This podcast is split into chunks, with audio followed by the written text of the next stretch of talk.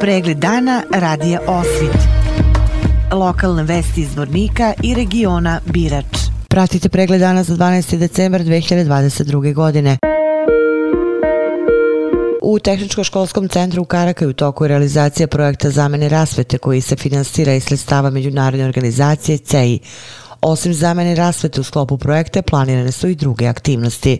Više o tome Goran Gajić, direktor Tehničko-školskog centra Karakaj. Škola je e, konkursala na konkurs koji je raspisala Međunarodna organizacija CI.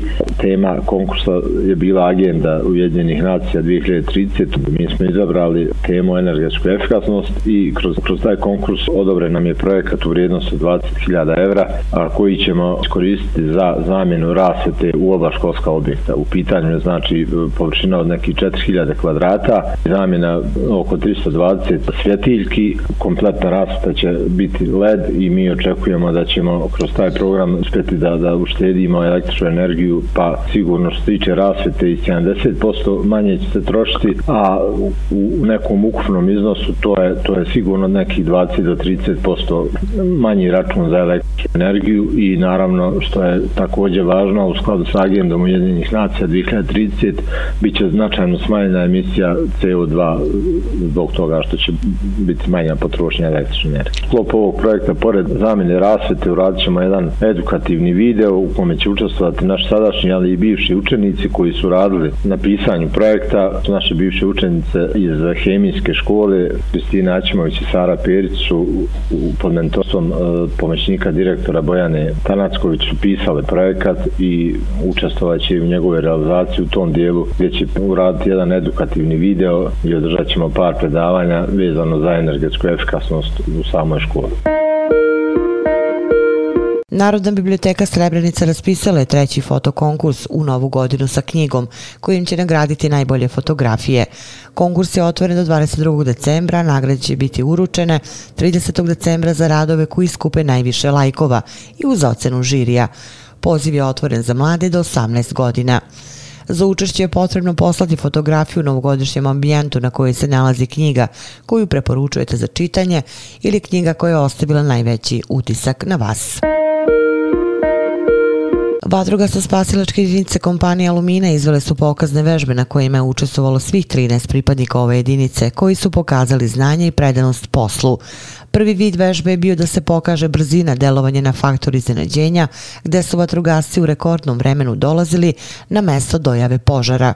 Drugi vid vežbe je bio sa gorivom, materijom u zatvorenoj prostoriji, gde su članovi vatrogas jedinice pokazali izuzetno znanje i sposobnost da se u koštac uhvate sa svim mogućim tipovima požara, koji u neželjenoj situaciji mogu zadesiti fabriku. Protivpožarna zaštita se bavi preventivnom zaštitom od požara i u tom segmentu smo izuzetno uspešni. Naš moto je da nas ništa ne smije iznenaditi, tako da su u tom cilju vežbe organizovane, rekli su u vatrogasnoj jedinici Alumine. U Narodnoj biblioteci Srebrenica sutra sa početkom u 11 časova biće organizovana promocija pilot projekta Mobilna biblioteka, čija realizacija počinje u 2023. godini. Korisnici programa su građani koji žive u ruralnom području opštine Srebrenica, prvenstveno deca i omladina, koji će se tokom godine družiti i imati priliku da upoznaju i koriste fondove.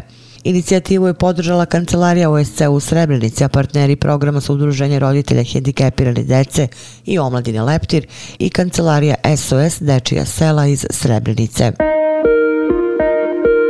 Vesti iz Loznice. Velika izložba golubova ukrasnih ptica i živine održana je u Domu kulture Aleksandar Saša Petrović u Banjiko Viljači.